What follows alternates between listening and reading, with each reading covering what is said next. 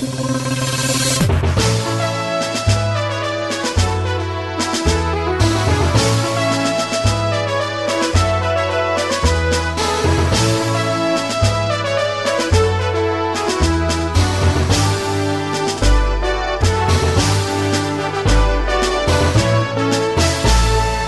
नमस्कार। कार्यक्रम हेलो सांसदमा तपाईँलाई हार्दिक स्वागत छ। म लिल प्रकाश चन्द। हेलो सांसद सामुदायिक सूचना नेटवर्क सिआइएनले उत्पादन तथा प्रसारण गर्दै आएको छ। यो कार्यक्रम हामी हरेक हप्ताको शुक्रबार बिहान साढे छ बजेदेखि आधा घन्टासम्म सामुदायिक सूचना नेटवर्क सिआइएन मार्फत प्रसारण गर्छौँ र देशका विभिन्न सामुदायिक रेडियोहरूले आफू अनुकूल हुने गरी यो कार्यक्रम प्रसारण गर्छन् र आजको कार्यक्रम हेलो सांसदमा विगतको संसद कस्तो रह्यो? नागरिकको सहभागिता र राजनीतिक दलहरू निर्वाचनमा हुमिएका छन्। गठबन्धनले प्रभाव लगायतका विषयमा कुराकानी गर्दैछौँ। कुराकानीका लागि हामीसँग वरिष्ठ संविधानविद डाक्टर विपिन अधिकारी हुनुहुन्छ। यहाँलाई हार्दिक स्वागत छ। धन्यवाद नमस्ते। पाँच वर्षको संसद र सांसदको बारेमा केही टिका टिप्पणी गर्दै अगाडि बढौँ। समग्रमा संसद कस्तो रह्यो? नयाँ संविधान लागू भएपछिको जुन नयाँ निर्वाचित संसद छ त्यो धेरै महत्त्वपूर्ण संसद हो। असन्तोषहरू धेरै विषयमा व्यक्त गर्न सक्छौँ तर सुरुका वर्षहरूमा यसले धेरै राम्रा कामहरू गरेको छ जस्तो संविधान कार्यान्वयन सम्बन्धी ऐन नियम जुन कानुनहरू आए लागू गरिए प्रदेशहरूको संरचना तयार गरियो स्थानीय सरकारलाई सेटल गरियो यी सबै कुराहरूमा यसको ठुलो भूमिका रह्यो। यहाँले जुन सुरुको मात्रै भन्नुभयो नि पछाडिको चाहिँ नराम्रो हो पछाडि जब प्रधानमन्त्री केपी ओलीले संसद विघटन गर्नुभयो र उहाँलाई विघटनका लागि बाध्य गर्नलाई जुन राजनीति भयो हो त्यहाँदेखि चाहिँ अलिकति स्थिति बिग्रिएको देखिन्छ। नेकपा विभाजित नहुँदासम्म संसद र सांसदहरू अगाडि बढे। नेकपा विभाजित भइसकेपछिको स्थिति खराब भयो भन्ने कि अथवा केही राम्रो सुधारियो होइन। नेकपा विभाजित गराउनका लागि जुन पोलिटिक्स सुरु भयो त्यसपछि चाहिँ अनि निश्चित रूपमा सरकार अस्थिर भयो के भनेदेखि बहुमत भएको सरकार जब क्रमशः विभिन्न कारणले गर्दा अल्पमतमा चाहिँ परिणत हुने स्थिति आयो प्रधानमन्त्रीले चाहिँ प्रतिनिधि सभा भङ्ग गर्नुभयो अनि त्यो भङ्ग गर्दाखेरि उहाँले चाहिँ एउटा संविधानमा नभएको व्यवस्थाको प्रयोग गर्नुभयो जुन प्रयोग चाहिँ दोस्रो पल्ट पनि गर्नुभयो। अनि त्यसमा हाम्रा इन्स्टिट्युसनहरू क्रमशः कमजोर देखिए संसद असाध्यै कमजोर देखियो। त्यसपछि त संसदले काम गरेकै छैन भन्दा पनि हुन्छ। न्यायालयको विषयमा अहिले कालान्तरमा जुन विषयवस्तु बाहिर छरपष्ट रूपमा आयो विशेष गरी प्रधान न्यायाधीश चोलेन्द्र शमशेर जबराको संसदीय सुनवाईपछि अहिले पनि नेकपा एमाले अदालतले ल्याइदिएका प्रधानमन्त्रीदेखि मन्त्री भनेर टिका टिप्पणी गर्दै आइराखेको छ। यद्यपि सरकारमा रहेका दलहरूले यसलाई यो सही ढङ्गबाट हामी आएका हौँ भन्ने भनिराख्नु भएको छ होइन? न्यायालयको यसमा संलग्नताको विषयलाई लिएर तपाईँको के छ टिप्पणी? एउटा कुरा त यो परमादेशको सरकार भन्ने म त्यो मान्दिनँ। हेर्नुहोस् सर्वोच्च अदालतले के हो भने संविधानको संरक्षण गर्ने हो यसको जुन सर्वोच्चता छ त्यसलाई कायम राख्ने हो। अब त्यो सर्वोच्चता कसरी कायम राख्ने त्यो सर्वोच्च अदालतले आफ्नो विवेकको पनि प्रयोग गर्दछ संविधान हेरेर गर्दछ। जुन परिस्थितिको निर्माण भयो देशमा अदालतले फैसला गरेर पनि एउटा संसदीय पद्धतिको मान्यता जब चाहिँ अब लागू हुन सक्दैन भन्ने अदालतलाई लाग्यो उसले मान्छे तोक्यो। त अदालतले चाहिँ मान्छे तोकेर यो के हो भने चन्दजी या विपिनजी मध्ये एउटालाई बनाइदिनु भने होइन नि त।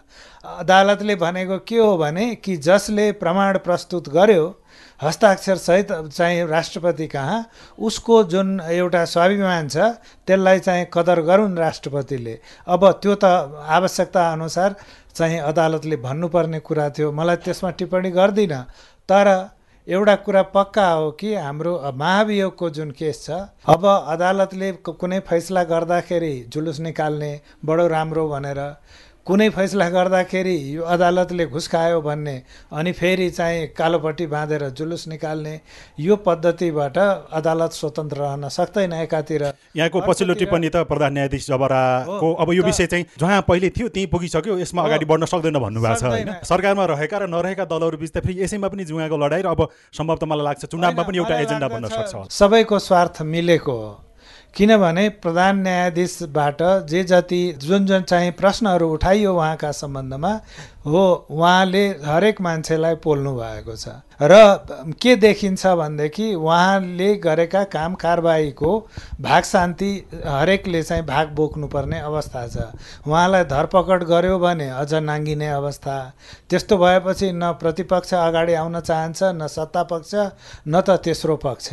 हामी के देखिरहेको छौँ भने कि सबैले एउटा आ आफ्नो अहिलेको राजनीति गरेका छन् आवश्यकता बुझेका छन् तर देशका लागि हाम्रो संवैधानिक व्यवस्थालाई कसरी कायम राख्ने भन्ने बारेमा सोचिएको छैन। अब त्यसो प्रधान न्यायाधीशज्यूको त्यो महाभियोग निष्क्रिय भइसक्यो कि अथवा अर्को बनाइयो। बनाइयो। अब हेर्नुहोस् यो के हो भने संसदीय पद्धतिमा जुन अधिकार महाभियोगको प्रयोग गर्दछ प्रतिनिधि सभाले त्यो प्रतिनिधि सभाका अहिलेका निर्वाचित सांसदहरूले अहिलेको सरकारको मुख हेरेर अहिलेको प्रतिपक्षको स्ट्रेन्थमा अहिलेको क्षमतामा गरिएको कारवाही हो। यो अदालती कारवाही होइन। भनेको अब अहिलेकै अवस्थाबाट प्रधान न्यायाधीश जब अब जब संसद रहेन प्रतिनिधि सभा रहेन भने अब प्रष्ट रूपमा के भनेदेखि उहाँको अभियोग पनि रहेन महाभियोग पनि रहेन अब उहाँलाई चाहिँ डल्याउने गलत नजिर कायम गर्ने काम भयो। यो विषय न्यायालयमा पुगिसकेपछि त्यहाँ गन्जागोल भयो भन्ने यहाँको निष्कर्ष छ। यदि त्यस्तो गन्जागोल नभएको भए नागरिकले खास के सुविधा पाउँथे संसद र सांसदहरूबाट? हेर्नुहोस् हाम्रो संसदले तपाईँलाई अनेस्टली भन्दा हाम्रो संसद संसदको रूपमा काम गर्न छाडेको धेरै भइसक्यो। हाम्रो संसदमा प्रधानमन्त्री अधिवेशन चलुन्जेलसम्म बस्ने चलन अब छैन। मन्त्रीहरूमा पनि सिनियर मन्त्रीहरू अधिवेशनमा बस्दैनन्। तपाईँको समिति प्रणालीमा जवाफ दिने मान्छेहरूमा को हुन्छन्? भन्दा अब त सचिवहरू पनि हुँदैनन्। अब सहसचिव हुन्छन् उपसचिव हुन्छन् पाए शाखा अधिकृतले काम चलाउने भइसक्यो। यहाँ बर बर बुझारत हुँदैन जाँच पडताल हुँदैन यहाँ जनताका नाममा खर्च भएको पैसाको हिसाब छैन। बेरुजु तपाईँको दुई हजार बिस सालदेखि आजसम्म एउटै कुराको बेरुजु पाइराख्नुहुन्छ सजाय गर्ने कानुन बन्दैन। किन कानुन बन्दैन भने सांसदहरूलाई चाहिँ कानुन बनाउने जिम्मेवारी निर्वाह गर्न उनीहरूले सकेका छैन भनेको यो उत्तरदायी बनाउने काम चाहिँ कसको हो त? सभामुखको हो कि राजनीतिक दलहरूले होइन यो चाहिँ अब सिद्धान्त त भन्ने हो भने एउटा त सभामुखको हो तर सभामुखलाई प्रोग्राम दिने एजेन्डा दिने भनेको सरकारले हो। अब हाम्रो सभामुख चाहिँ कस्तोमा चेन्ज भइसक्नुभयो भने तिम्रा एजेन्डा तिमीसँगै राख। मैले चाहेको एजेन्डा संसदमा जान्छ। अब यस्तो मान्छे भए पनि महाभियोग लाउन त सकेका छैन। यो चाहिँ के हो भने मुख हेरेर राजनीति गर्ने पद्धतिको सुरुवात हो। अहिलेको मात्रै कि सबै सभामुखको त्यहाँ कुर्सीमा पुगिसकेको जस्तै हुन्छ ढुङ्गाना पछि क्रमशः तपाईँको हरेक सभामुखहरू क्रमशः स्खलित हुँदै गएका छन् र अहिले चाहिँ हामी डिप्लोरेबल स्थितिमा पुगेका हौँ। सभामुखलाई यो सभामुख अर्थात् प्रिजाइडिङ अफिसर भनेको के हो भन्ने थाहा नै छैन। यो विषय सचिन्छ त आगामी निर्वाचनबाट कि अथवा सकिन्छ हेर्नु सकिन्छ यो सबै कुरोको चुरो अब आम जनताले पार्टीहरूसँग साइनो लाउने। एमालेपट्टि छौँ हामी काङ्ग्रेसपट्टि छौँ हामी राप्रपापट्टि छौँ हामी त मधेसवादी हौँ भन्ने छ नि। यो कुनै वादले काम गर्दैन यदि प्रजातान्त्रिक संरचनाले काम गरेन भने।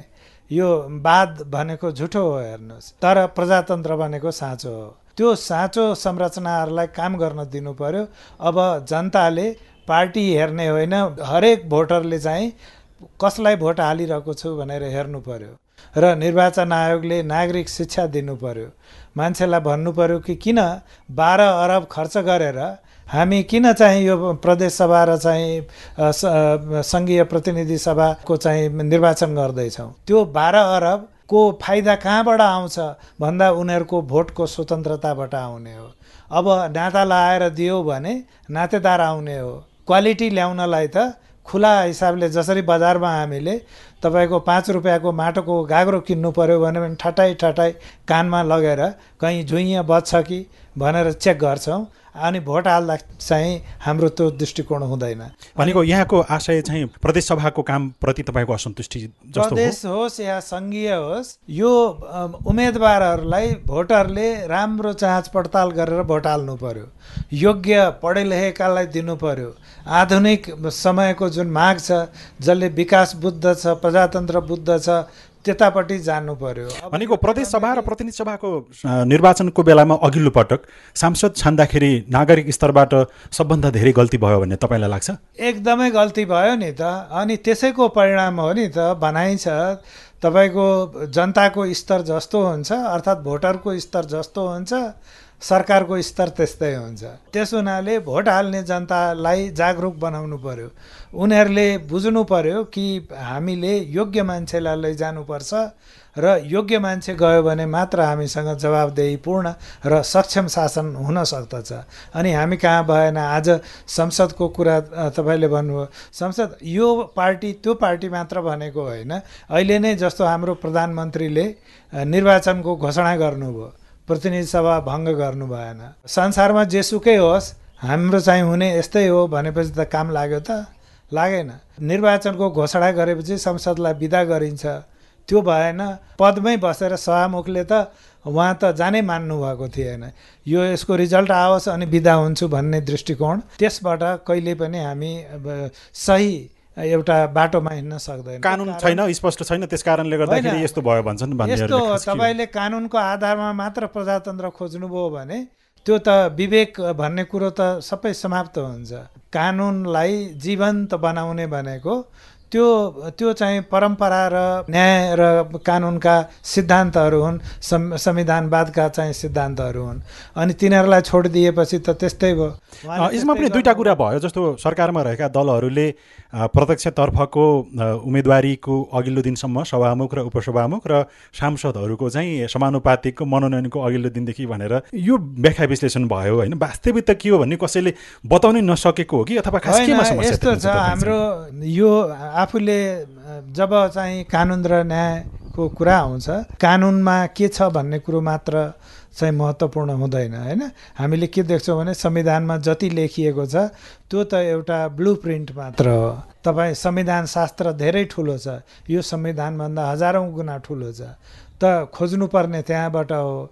अब सबै मान्छेले आआफ्नो पक्षका वकिल आफ्नो पक्षका संविधानविद आफ्नो पक्षका चाहिँ एउटा सपोर्टरहरूलाई तपाईँ एक्सपर्ट बनाउनु भयो भने त त्यसै अनुसारको परिणाम आउँछ। प्रधानमन्त्रीले जब चुनावको घोषणा गर्नुभयो प्रतिनिधि सभा विघटन गर्नु पर्थ्यो भन्ने तपाईँको। विघटन गर्ने बित्तिकै के हुन्थ्यो भने सबै मान्छे समान तहमा उभिन्थे। अनि त्यसपछि साँच्चैकै राजनीति पैसाका आधारमा होइन दम्बका आधारमा होइन पावरका आधारमा होइन मोटर र पिएसओका आधारमा होइन अनुहार देखाएर अनि लखरक लखरक घर दैलो गर्नुपर्ने अवस्था आउँथ्यो त्यसले चाहिँ के अर्थ राख्छ र यदि साँच्चीकै नागरिकमा त्यो चेतनाको स्तर माथि उकासिएको हो भने त जस्तोसुकै झन्डावाला गाडी लिएर आए पनि त्यसमा के काम गर्छ? हो गर्दैन गर्दैन। तर त्यसले के गर्छ भने मान्छेलाई प्रश्न गर्ने अवस्थामा पुर्याइदिन्छ तपाईँ पिएसओ लिएर उभिनुहुन्छ तपाईँलाई कसले प्रश्न गर्छ? सामान्य मान्छे ट्राफिक पुलिससँग त डराएर हिँड्छन्। अब तपाईँ बन्दुक बोकेको पेस्तोल घुसारेको तपाईँ चाहिँ सुरक्षाकर्मी देखेपछि कसैले बोल्दछ त बोल्दैन। भनेको प्रधानमन्त्री र मन्त्रीहरूले चुनाव प्रचार प्रसारमा जाउँ भनेर जुन माग गर्नुभयो र निर्वाचन आयोगले फेरि त्यो व्यवस्था सच्याएर गरिदियो मतदाता प्रभावित पार्नको लागि यो राम्रो माध्यम मतदाता यसबाट प्रभावित हुन्छन् र सरकारले केवल मतलब हिजो हामीसँग म्यान्डेट थियो त्यसैले आज काम चलाउ उम्, सरकारका रूपमा काम गरिरहेका छौँ। नयाँ कुरा गर्दैनौँ बजेटतिर मुख लगाउँदैनौँ अब कसै कुनै कन्ट्र्याक्ट हामीले चाहिँ के अरे साइन पनि गर्दैनौँ कसैलाई बदर पनि गर्दैनौँ। अब चाहिँ केवल जबसम्म निर्वाचन हुँदैन तबसम्म हामी सरकारको रूपमा दैनिक प्रशासन निर्वाह गर्छौँ। भनेर सरकार थन्किनु पर्ने नक्सा नै पर्याप्त रूपमा नबनिसकेको सडकको पनि उद्घाटन भयो। नयाँ निर्णय गरेर जब क्यान्डिडेट भएको छु म अब निर्वाचनको घोषणा भइसक्यो यी हेर तिम्रो गाउँमा मैले बाटो खन्दैछु भनेर देखाउनु भयो भने तपाईँले चार भोट त बढी पाउनुभयो नि त। त्यो गलत हो। मतदाता नै शक्तिशाली हो अहिलेको अवस्थामा। यद्यपि अब शासनमा पुगिसकेपछि नागरिकलाई त्यही नै। लाग्दछ जस्तै निर्वाचन आयोगले पनि धेरै प्रयास गरेको छ। यो परिस्थितिमा सुधार ल्याउनलाई। तर निर्वाचन आयोगसँग त्यो संरचना त्यस्तो किसिमको क्षमता भइसकेको छैन कि उसले यी सम्पूर्ण प्रयासहरू गर्न सकोस् र हरेक आवश्यकता पुरा गर्न सकोस्। तर जनताले चाह्यो भने चाहिँ हुन सक्दछ। अब अहिले हामीले देख्यौँ कतिपय मान्छेहरू उनीहरू अवसरको खोजीमा थिए टिकट पाएनन्। अब त्यो त पार्टीले डिसाइड गर्ने कुरा भयो। तर कतिपय मान्छेहरू जसले टिकट पाए अब उनीहरूका बा बारेमा व्यापक असन्तुष्टि छ। यदि राम्रो दिन सकिन्थ्यो नि त। अनि राजनीतिमा पनि कोही न कोही कहिले रिटायर हुने भन्ने कुरो हुनुपर्दछ। कसैले केही काम गरेको छ भने त्यसको परिणामका आधारमा निर्णय पनि हुनुपर्दछ अनि त्यो हुन सक्ने परिस्थिति हामी कहाँ किन छैन भने हामी कहाँ निर्वाचनको पद्धति मार्फत पद पाउने कुरो पनि अब परम्परागत अधिकारका रूपमा स्थापित भयो। कुनै उम्मेद्वार अथवा कुनै राजनीतिक दल पुग्दाखेरि कति धेरै मान्छे साथमा लिएर आएको छ त्यो हेर्ने हो कि? योभन्दा अगाडि कुन कुन पदमा पुगिसकेको थियो त्यो पो हेर्ने हो कि? अथवा बाजे र मेरो बजेको पालामा जुन पार्टीमा घर परिवारले चाहिँ भोट हालिराखेको त्यहीँ हाल्ने गरी गर्ने हो कि? के कुरामा ध्यान दिने त? जो सामाजिक क्षेत्रको होइन ऊप्रति अलिकति प्रश्नवाचक चिन्ह राख्नु पर्यो। भन्नाले? भनेको अब ठेक्कापट्टा गरिरहेको मान्छे छ ठुलो ठुलो व्यापारी छ प्रशस्त एकदम सम्पत्ति भएर यो सम्पत्ति बटुलेर हिँडेको मान्छे अब तपाईँनिर भोट माग्न आइरहेको छ भने रेकर्ड हेर्नु पर्यो। यो सामाजिक क्षेत्रको हो कि होइन? उसलाई भोट दिँदा मेरो इज्जत हुन्छ कि हुँदैन मेरो समाजको लागि के कन्ट्रिब्युसन हुन्छ भनेर हेर्नु पर्यो। दोस्रो कुरो उसको चाहिँ एउटा व्यक्तिगत चाहिँ मोरालिटी नैतिकता हेर्नु पर्यो।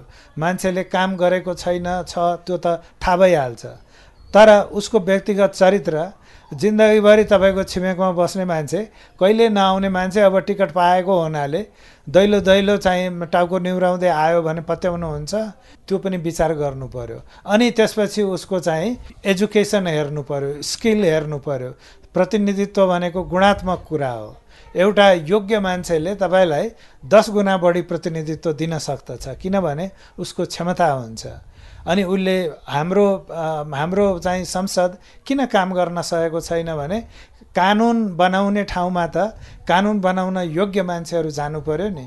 अब कानुन बनाउन अयोग्य मान्छे पुगेपछि उनीहरूले आफ्नो क्षेत्रलाई प्रतिनिधित्व गर्ला कानुन बनाउने योग्य व्यक्ति हेर्ने कि विकास निर्माणको लागि कसले गर्न सक्छ विकास निर्माण सरकारले गर्ने तर अहिले हाम्रो समाजमा राजनीतिक दलले नै छरेको एउटा गलत भ्रम के छ भने विकास निर्माण यो योजना बनाउँछु त्यो पुल बनाउँछु भन्ने व्यक्तिले जितेर जान्छ। तर म साँच्चै के कानुनै बनाउनको लागि चाहिँ लड्न खोजेको भने उसले त भोट पाउने स्थिति छैन नि त नेपालमा। तपाईँले भनेको एकदमै सही हो। किनभने कानुन बनाउनका लागि नै संसद चाहिएको विकास गर्ने र गरिएको विकासप्रति असन्तुष्टि छ भने जवाफ दिने काम सरकारको हो कार्यकारिणीको हो। त्यहाँ संसद सम कुनै पनि सांसदले योजना छनौट गर्नु पनि पर्दैन त्यसका लागि पैसा खर्च गर्नु पनि पर्दैन।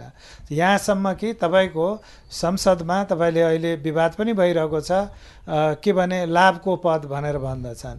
नेपाल सरकार अर्थात् नेपालको कार्यकारिणीको कुनै पनि पद यदि तपाईँले होल्ड गर्नुभएको छ भने तपाईँ संसद नबन्नुहोस् भनेर त्यो व्यवस्था गरिएको हो। त्यो नेपालीमा ट्रान्सलेसन गर्दा गलत गरियो। अङ्ग्रेजीमा the offices of the profit भनेर भन्छ। लाभको पद होइन कि लाभको कार्यालय। मा काम गरेको मान्छे संसदमा बस्नु हुँदैन। त्यो लाभ गर्ने ठाउँमा मान्छे दूषित हुन्छ। त्यहाँनिर चाहिँ उसले स्वतन्त्र भएर काम गर्नुपर्छ भनेर। त्यसलाई चाहिँ के भनेदेखि त्यस्तो ठाउँमा तपाईँले कस्ता मान्छेलाई पठाउने भनेर सोच्नु पर्यो? क्षमता एकदमै ठुलो कुरो पढे लेखेको छैन र उसँग चरित्र पनि छैन क्षमता पनि छैन भने उसले त्यहाँ के गर्न सक्दछ? तर यहाँनिर समस्या भनेको चाहिँ एउटा राम्रो योग्यता भएको क्षमता भएको पढे लेखेको एउटा राम्रो व्यक्ति उम्मेदवारमा उठ्यो भने उसको राजनीतिक दल एकदम सानो कमजोर अवस्थाको छ अथवा त्यो व्यक्ति स्वतन्त्र रूपमा उम्मेदवारी दिएको छ भने उसले जित्ने सम्भावना एकदम कम हुन्छ र जितेपछि पनि कहाँ बन्न सक्दैन भनेर जुन ढङ्गबाट बुझाइ स्थापित गर्न खोजिएको छ समाजमा केही सीमित राजनीतिक दलहरूबाट त्यो सही छ कि गलत छ? आम रूपमा चाहिँ भोटरहरूमा अज्ञानता छ।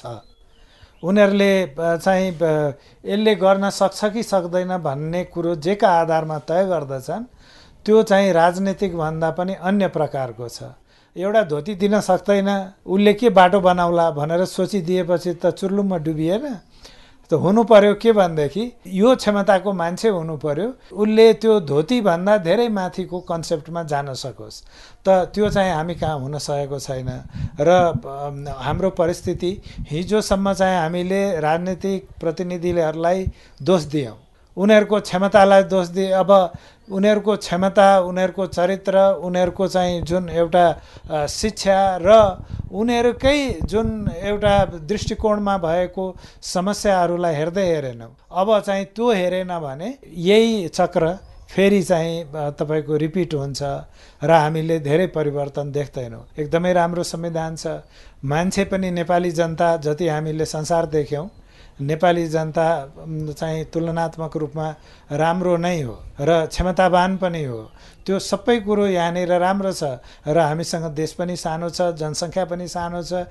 यदि योग्य मान्छे यदि शासनमा जाने हो भने हाम्रो समस्या एकदमैसँगले चुटकी बजाएर यसरी चाहिँ तपाईँको समाधान हुन सक्दछ। जुन यो मतदातामा शिक्षाको कुरा गर्नुभयो हाम्रो समाजमा विभिन्न प्रकारका व्यक्तिहरू अलिकति पढे लेखेका नपढी नलेखे पनि जाने बुझेका र सुनेका व्यक्तिहरू पनि छन्। कोही एकदम त्यो चुलो चौकुमी सीमित रहेका र अरू बाहिरको सदस्यले गाउँ समाजमा कसैले भने कि आधारमा भोट हाल्ने स्थिति अहिले छ।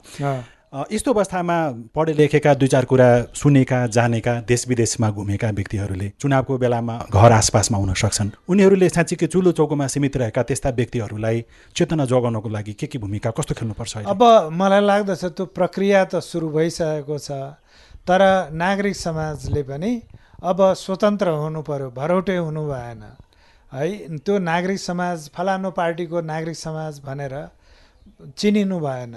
उसको स्वतन्त्र हुनु पर्यो राजनीतिमा धेरै इच्छा छ भने आफै पाखुरा सुर्केर जाने। होइन भने आफूलाई सुरक्षित राख्ने स्वतन्त्र राख्ने र आफ्नो कुरो प्रष्ट रूपमा भनिदिने ताकि आम मान्छेलाई त्यो कुरोको चाहिँ महत्त्व थाहा होस्।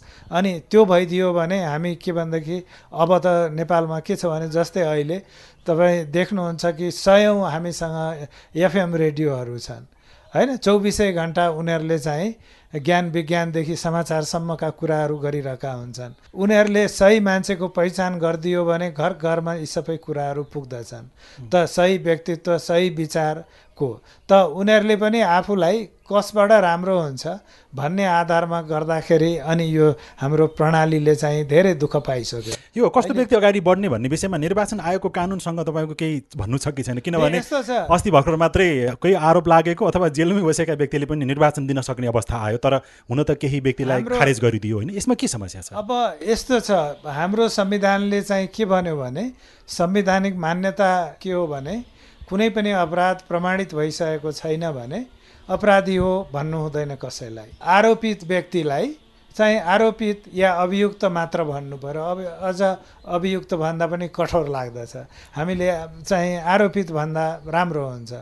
भन्ने व्यवस्था संविधानले अब उल्लेख गरेपछि अब आपराधिक मनोवृत्ति प्रमाणित भइसक्यो सजाय पनि पाइसक्यो। अब उसले पनि टिकट पाएकै छ। अरू देशमा भएदेखि तिम्रो करियर अब सकियो। अब एकपल्ट चाहिँ दाग लागेपछि अब हामीलाई हजार विकल्प छन्। किन त्यसमा फर्किने भन्छन्? हाम्रो जनताले त्यो भनेको छैन। भन्दैन। एउटा कुरा। अनि अर्को कुरो हाम्रै कानुनले फेरि प्रष्ट गरिदिएको छ कि यो कारवाही चल्दाखेरि चाहिँ यो प्रश्न उठाउन मिल्दैन है। सांसद पनि हुन पाइन्छ निर्वाचन लड्न पनि पाइन्छ भन्ने कुरो उल्लेख गरिदियो। अब त्यो भनेपछि तपाईँको त्यसबाट मान्छेले सुविधा लिने भए जनताले होइन यो कारवाही चल चलेको मान्छे फौजदारी प्रकृतिको रहेछ विचार गर्नु पर्यो। हामीसँग अरू पनि त विकल्प छ भनेर हेर्ने प्रचलन भएन। अब सजाय नै भयो भने पनि यति वर्षसम्मको सजायका हकमा चाहिँ नगन्ने त्यसपछिको चाहिँ विचार गर्नुपर्छ भनेर भनिदिएपछि अनि त्यसै अनुसार चाहिँ अब निर्वाचन आयोगले गर्ने भयो। तर निर्वाचन आयोगले के गर्न सक्दछ भने विकल्पहरूको पहिचान गर्नुहोस्। यो राज्यले किन चाहिँ तपाईँ हेर्नुहोस् त सातजना आठजना नौजना उठिदिएको छ एउटा निर्वाचन क्षेत्रमा? कत्रो ठुलो खर्च छ देशको। अनि त्यो पैसा त तपाईँ हामीले नै तिरेको पैसा हो। त्यो आकाशबाट त कहिले पनि झर्दैन पैसा। भनेपछि त्यो जनताले स्वामित्व लिनु पर्यो। यो जस्ता तस्ता मान्छे उठ्न नसकुन् अनि उठेका मान्छेहरूको छनौट राम्रो होस् ताकि अर्कोपल्टदेखि यो म जस्तो मान्छे उठेर काम छैन भन्ने चाहिँ त्यो एउटा उम्मेदवारलाई पनि लाग्यो। दुईवटा गठबन्धन मैदानमा उत्रिरहेको छ। यो गठबन्धनको कारणले गर्दाखेरि राम्रो व्यक्ति छुट्ने र खराब व्यक्ति माथि आउने सम्भावना कतिको धेरै थोरै अब यो गठबन्धन भनेको सरासर अन्यायपूर्ण हो हेर्नुहोस्। गठबन्धन गर्नु हुँदैन। तपाईँ के हो भनेदेखि हामी निर्वाचन किन गरिरहेका छौँ भने जनताको छनौटको अधिकार छ। शासन अपुतालीमा पाइँदैन भोट ल्याउनुपर्छ भोट ल्याउनलाई अनुहार देखाएर जानुपर्छ भन्ने पद्धति हो। अब यदि हाम्रो पद्धति त्यो हो भनेदेखि चाहिँ हामी आफ्नो अनुहार देखाएर आफ्नो पार्टी देखाएर आफ्नो पार्टीको चाहिँ तपाईँको मेनिफेस्टो लिएर भोट माग्ने हो। भोट मागिसकेपछि अब जित हारको जब परिणाम आउँछ त्यो हेर्दाखेरि सरकार बनाउनलाई पहल गर्ने हो पुगेन भनेदेखि अब चाहिँ आ आफ्नो हाम्रो मेनिफेस्टो हामी त्यसलाई हटाउँ नयाँ मेनिफेस्टो बनाऊँ त्यसका आधारमा हामी चाहिँ संयुक्त सरकार बनाऊँ भन्न सकिन्छ।